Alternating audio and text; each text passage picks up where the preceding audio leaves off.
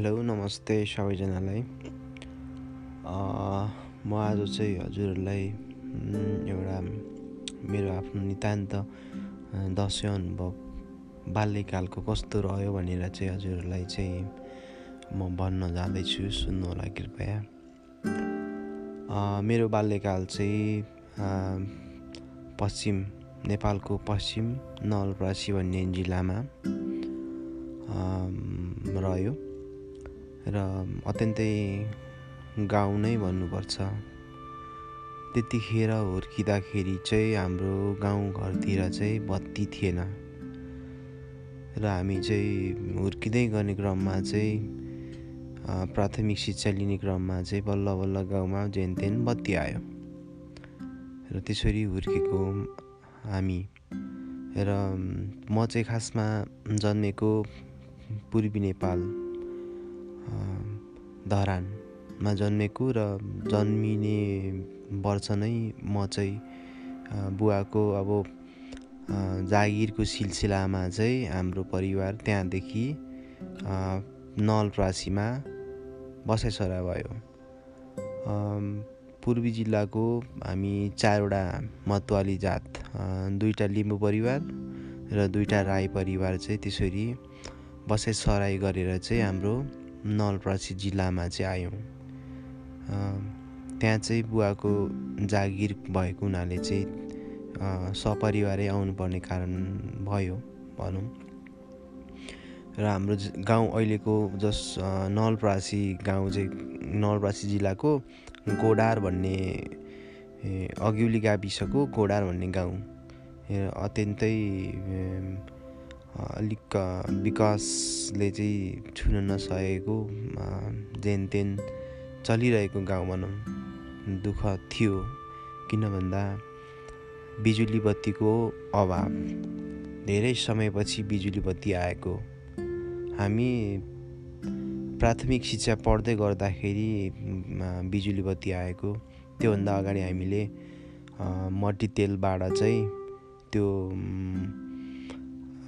सकिसकेको त्यो औषधिको बोतलहरू हुन्छ नि हो त्यस्तो बोतलहरूमा चाहिँ पाल पारेर कपडाको सलेतो बनाएर चाहिँ मट्टीतेल राखेर त्यसरी पढ्ने गर्थ्यौँ। र लालटिङ भन्ने हुन्थ्यो अलिकति त्यो चाहिँ राम्रो परिवार अलिकति पैसा राम्रै हुने कमाइ हुने परिवारमा चाहिँ लालटिन स्टप भन्ने हुन्थ्यो। र हाम्रोमा पनि एउटा लालटिन थियो। हामी छोराछोरीहरूले चाहिँ बेला बेलामा चाहिँ बेलुका भइसकेपछि चाहिँ रुटिन जस्तो हुन्थ्यो। आज एकजनाले सफा गर्ने अनि अर्को दिन अर्कोले सफा गर्ने भन्ने हुन्थ्यो। त्यो लालटिनको सिसा कहिलेकाहीँ चाहिँ त्यो लालटिनको सिसालाई झिक्ने क्रममा सफा गर्ने क्रममा फुट्थ्यो। त्यो छुट्टै नोक्सानी नै हुन्थ्यो। त्यसरी चाहिँ हामीले हाम्रो बाल्यकालहरू बितायौँ।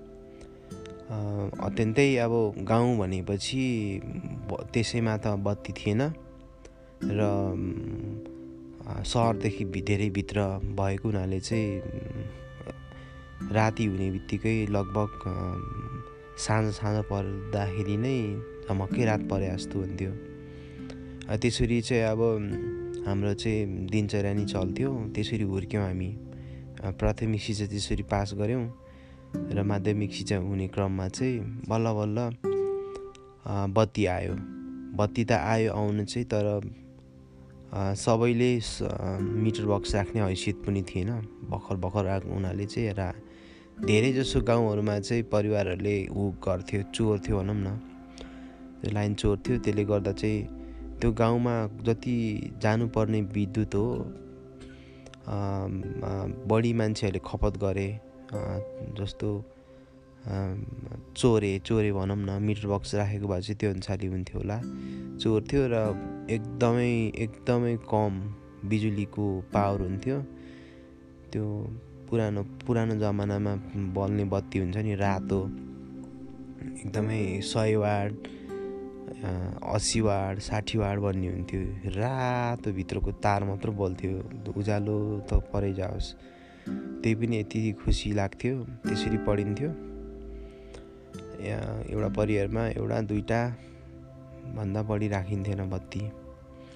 त्यही पनि धेरै दुःख गरेर चाहिँ तारहरू बल्बहरू किन्ने गरिन्थ्यो। त्यसरी चल्यो त्यसरी नै चल्दै थियो। अब आफ्नो माध्यमिक शिक्षा पनि मजाले नै अब दुःख गरेर पास गरियो जेन देन त्यस्तो थियो मेरो शिक्षाको कुरो। र म यसमा चाहिँ दसैँको कुरा जोड्न चाहेँ। विशेष गरी अहिले दसैँ समय आइरहेको हुनाले चाहिँ कस्तो हुन्थ्यो दसैँ र कसरी मनायो भनेर। र एउटा कुरा चाहिँ हजुरलाई के भन्छु भन्दाखेरि सबैको दसैँ एकै किसिमले मनाउँछ भन्ने हुँदैन। मान्छेको आफ्नो किसिमको दसैँ मनाउने चलन छ। चाहँदा चाहँदा पनि चलाउ म दसैँ राम्रोसँग मनाउन नसकेको अवस्था पनि हुन्छ।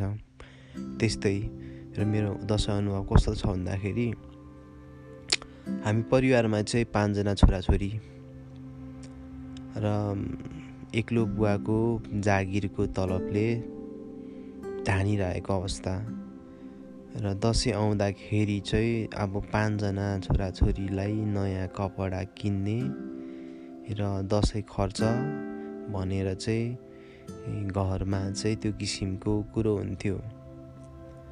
र अब दसैँ भन्ने बित्तिकै बच्चाहरूलाई चाहिँ के हुन्छ भन्दाखेरि नयाँ कपडा लगाउनु पर्छ नयाँ लगा कपडा लगाउन पाइन्छ र मिठो मिठो खानेकुरा खान पाइन्छ भन्ने हुन्थ्यो। त्यो हाम्रो परिवारमा पनि थियो। र हाम्रो परिवार चाहिँ पाँचजना छोराछोरी भएको हुनाले चाहिँ अब सबैलाई अब भनेको जस्तो खुवाउन लगाउन गाह्रो पर पर्थ्यो। र जेनतेनले दसैँ आउनुभन्दा अगाडि त्यो किसिमको किनमेल हुन्थ्यो।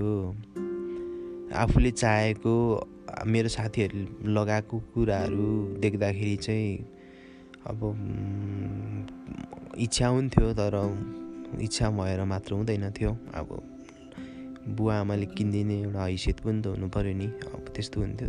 जेन तेन इच्छा हुँदा हुँदा पनि इच्छा मारेर भए पनि जस्तो किसिमको कपडाहरू किनिदिनु हुन्थ्यो त्यो त्यो अनुसारै लगाइन्थ्यो। र अब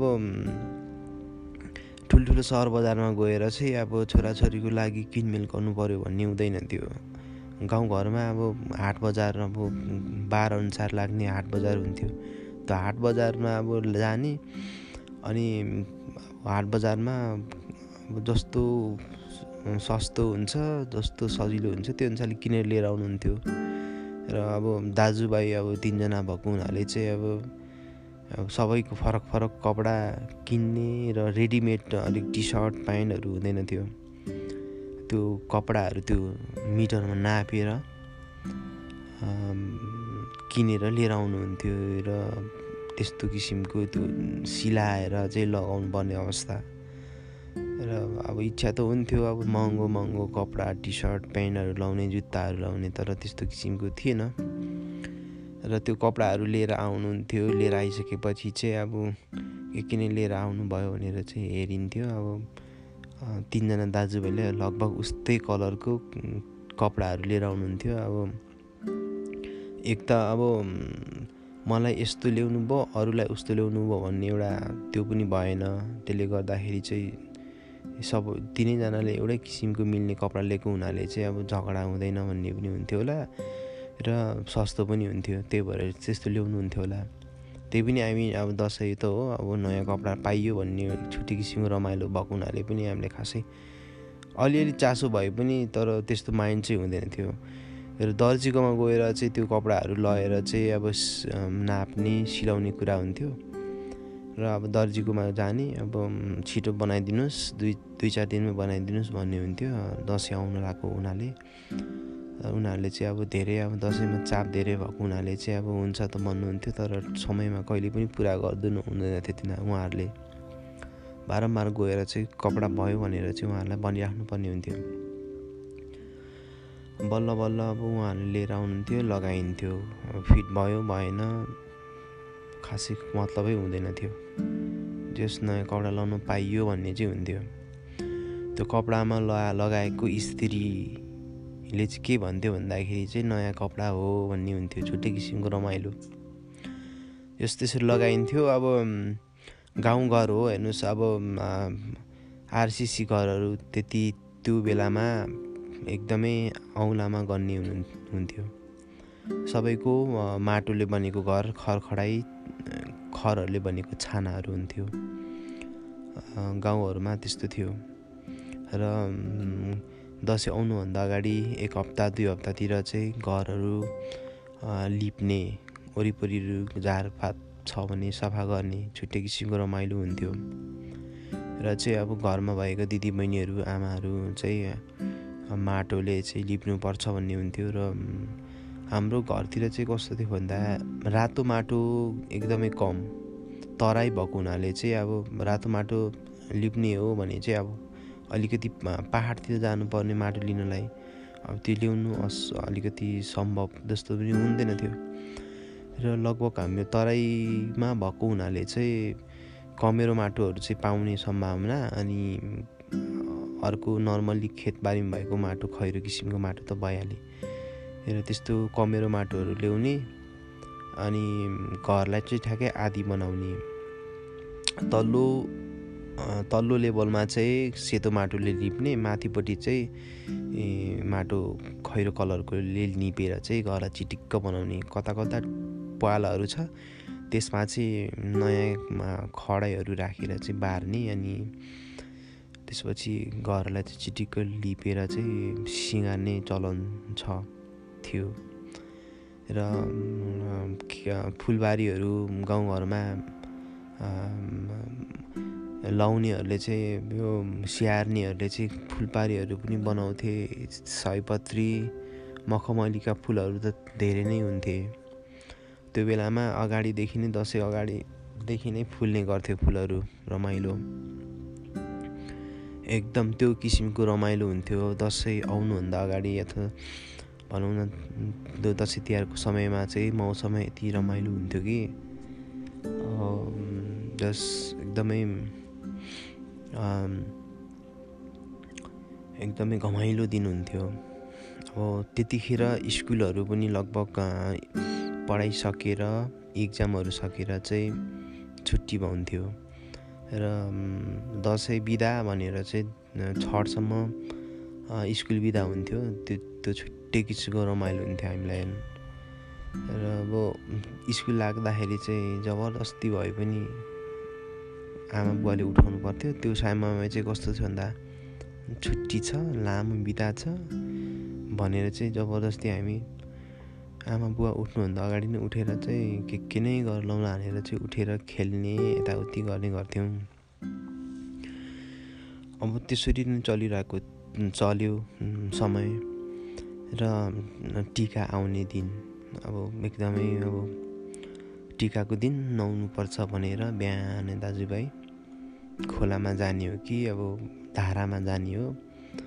गइन्थ्यो नुहाइन्थ्यो र त्यसपछि चट्ट त्यो नयाँ कपडाहरू लगाइन्थ्यो आनन्द लाग्थ्यो अनि टिकाको समय हुन्थ्यो। अब बच्चामा अब त्यो टिका लाउने साइड भन्ने बित्तिकै अब ख्याल हुने। र यो समयमा चाहिँ ठ्याक्कै यो यति बजे टिका लाउनुपर्छ भन्ने हुन्थ्यो। ठ्याक्कै घडी हेरेर चाहिँ ल टाइम भयो भनेर चाहिँ टिका लगाइन्थ्यो। आनन्द हुन्थ्यो। अब टिका त लगाइयो अब त्यो जमराहरू टक्क राख्ने अनि त्यसपछि टिका लगाइसकेपछि चाहिँ दक्षिणा दिने हुन्थ्यो। दक्षिणा चाहिँ अब थाहा थियो हामीलाई अब दक्षिणा अब भयङ्करै धेरै नै दिनुहुन्छ भन्ने त हुँदैन थियो। त्यही पनि त्यो अवस्थामा अब दक्षिणा भनेको छुट्टै किसिमको आनन्द हुन्थ्यो। कति नै हुन्थ्यो र अब त्यो एज हेरी हेरी दिनुहुन्थ्यो सानोलाई। माइलोलाई जेठोलाई यसरी लेभल छुट्याएर दिनुहुन्थ्यो। अब त्यो सानोलाई अलिक सानो माइलोलाई बिचको ठिक्कको र ठुलोलाई अलिकति धेरै भन्ने हुन्थ्यो। कति नै हुन्थ्यो र दस रुपियाँ दिनुहुन्थ्यो पाँच रुपियाँ दिनुहुन्थ्यो कहिलेकाहीँ एक रुपियाँ कहिलेकाहीँ दुई रुपियाँ दिनुहुन्थ्यो। त्यो अनुसारले लेभल बढाएर दिनुहुन्थ्यो। अब नयाँ चाहिँ नयाँ नै हुन्थ्यो नोट त्यतिखेर। तर दसैँको दक्षिणा भन्ने बित्तिकै त्यो पैसा भन्दा पनि त्यो दक्षिणा एकदमै महत्त्व राख्दो रहेछ। खर्चै गर्नु मन नलाग्ने अब त्यो त्यतिखेर अब दसैँ तिहारमा कति रमाइलो समय अब त्यो लङ्गुर बुर्जा खेल्ने भन्ने हुन्छ त्यो। दसैँको दक्षिणा लिएर जाने अनि दसैँ लङ्गुर बुर्जा खेल्ने हुन्थ्यो। तर मैले चाहिँ त्यो दक्षिणा लिएर चाहिँ त्यो कहिले खर्चै गर्नु मन नलाग्ने त्यस्तो लाग्थ्यो मलाई अब त्यो त्यो पैसा भन्दा पनि दक्षिणा हो भन्ने लाग्थ्यो क्या मलाई चाहिँ। अनि त्यसरी एकदमै सँगालेर राख्थेँ मैले त्यो पैसाहरू। र अरूको चाहिँ कस्तो हुन् अब सुनिन्छ पढिन्छ देखिन्छ नि त अब ए दसैँ आयो अब दक्षिणा थाप्नुपर्छ आमा बुवाले काका काकीले टन्नै दक्षिणा दिनुहुन्छ भन्ने हुन्छ। तर हाम्रोमा त कहिले पनि हुँदैन। हाम्रोमा त बुवा आमाले लगाइदिनुहुन्थ्यो सकियो हाम्रो दसैँ। किन भन्दा हाम्रो आफ्नो जातको टोल छिमेकी त्यहाँ थिएन। त्यसले गर्दाखेरि चाहिँ आमा बुवाले लगाइदियो सकियो। अरूको चाहिँ कस्तो हुन्छ भन्दाखेरि काका काकी बाजे बजै मामा माइजू भन्ने हुन्थ्यो। र हाम्रो चाहिँ कस्तो भन्दाखेरि सानोदेखि नै अब त्यो पूर्वबाट पश्चिम सरेको बसे सरेको हुनाले चाहिँ मामा माइजूको अनुहार त देखेको थिएन। दसैँमा दक्षिणा थाप्न जाने भन्ने कुरो झन् परै जाओस्। र अरूको चाहिँ कस्तो हुन्छ भन्दाखेरि दसैँ आयो अब घरमा त लगाइयो आमा बुवाले दक्षिणा दियो। त्यसपछि मामा माइजूमा जाने। मिठो खानेकुराहरू पाइन्छ भन्ने त छँदैछ। दक्षिणाको त्यो हुन्थ्यो पाइन्छ भन्ने हुन्थ्यो। मामा माइजूले धेरै दिनुहुन्छ भन्नुहुन्थ्यो। उनीहरूको त दिन्छ होला दिन त दिन्थ्यो होला। अब मामा माइजू मा आफ्नो भान्जा भान्जीलाई माया गर्छ भन्ने हुन्छ। तर हाम्रो त कहिले पनि भएन। किन भन्दा सानोमा पसेसरी आएको हुनाले चाहिँ मामा माइजूको अनुहार देखेको थिएनौँ। मामा माइजू घर कस्तो हुन्छ भने त्यो पनि थाहा थिएन। त्यस्तो हुन्थ्यो। अरूको चाहिँ अब मामा माइजूले पाँच सय हजार दिन्छ। धेरै धेरै दक्षिणाहरू थाप्नुपर्छ भनेर चाहिँ एकदम किसिम छुट्टै किसिमको रमाइलो हुन्थ्यो होला। तर त्यस्तो हाम्रो त कहिले रहेन। जोस् हाम्रो दसैँ अब टिकाको दिन एक दिन हुन्थ्यो त्यसपछि त छैन दसैँ सकियो। त्यसरी चाहिँ दसैँहरू मनाउने गर्थ्यो हामीले।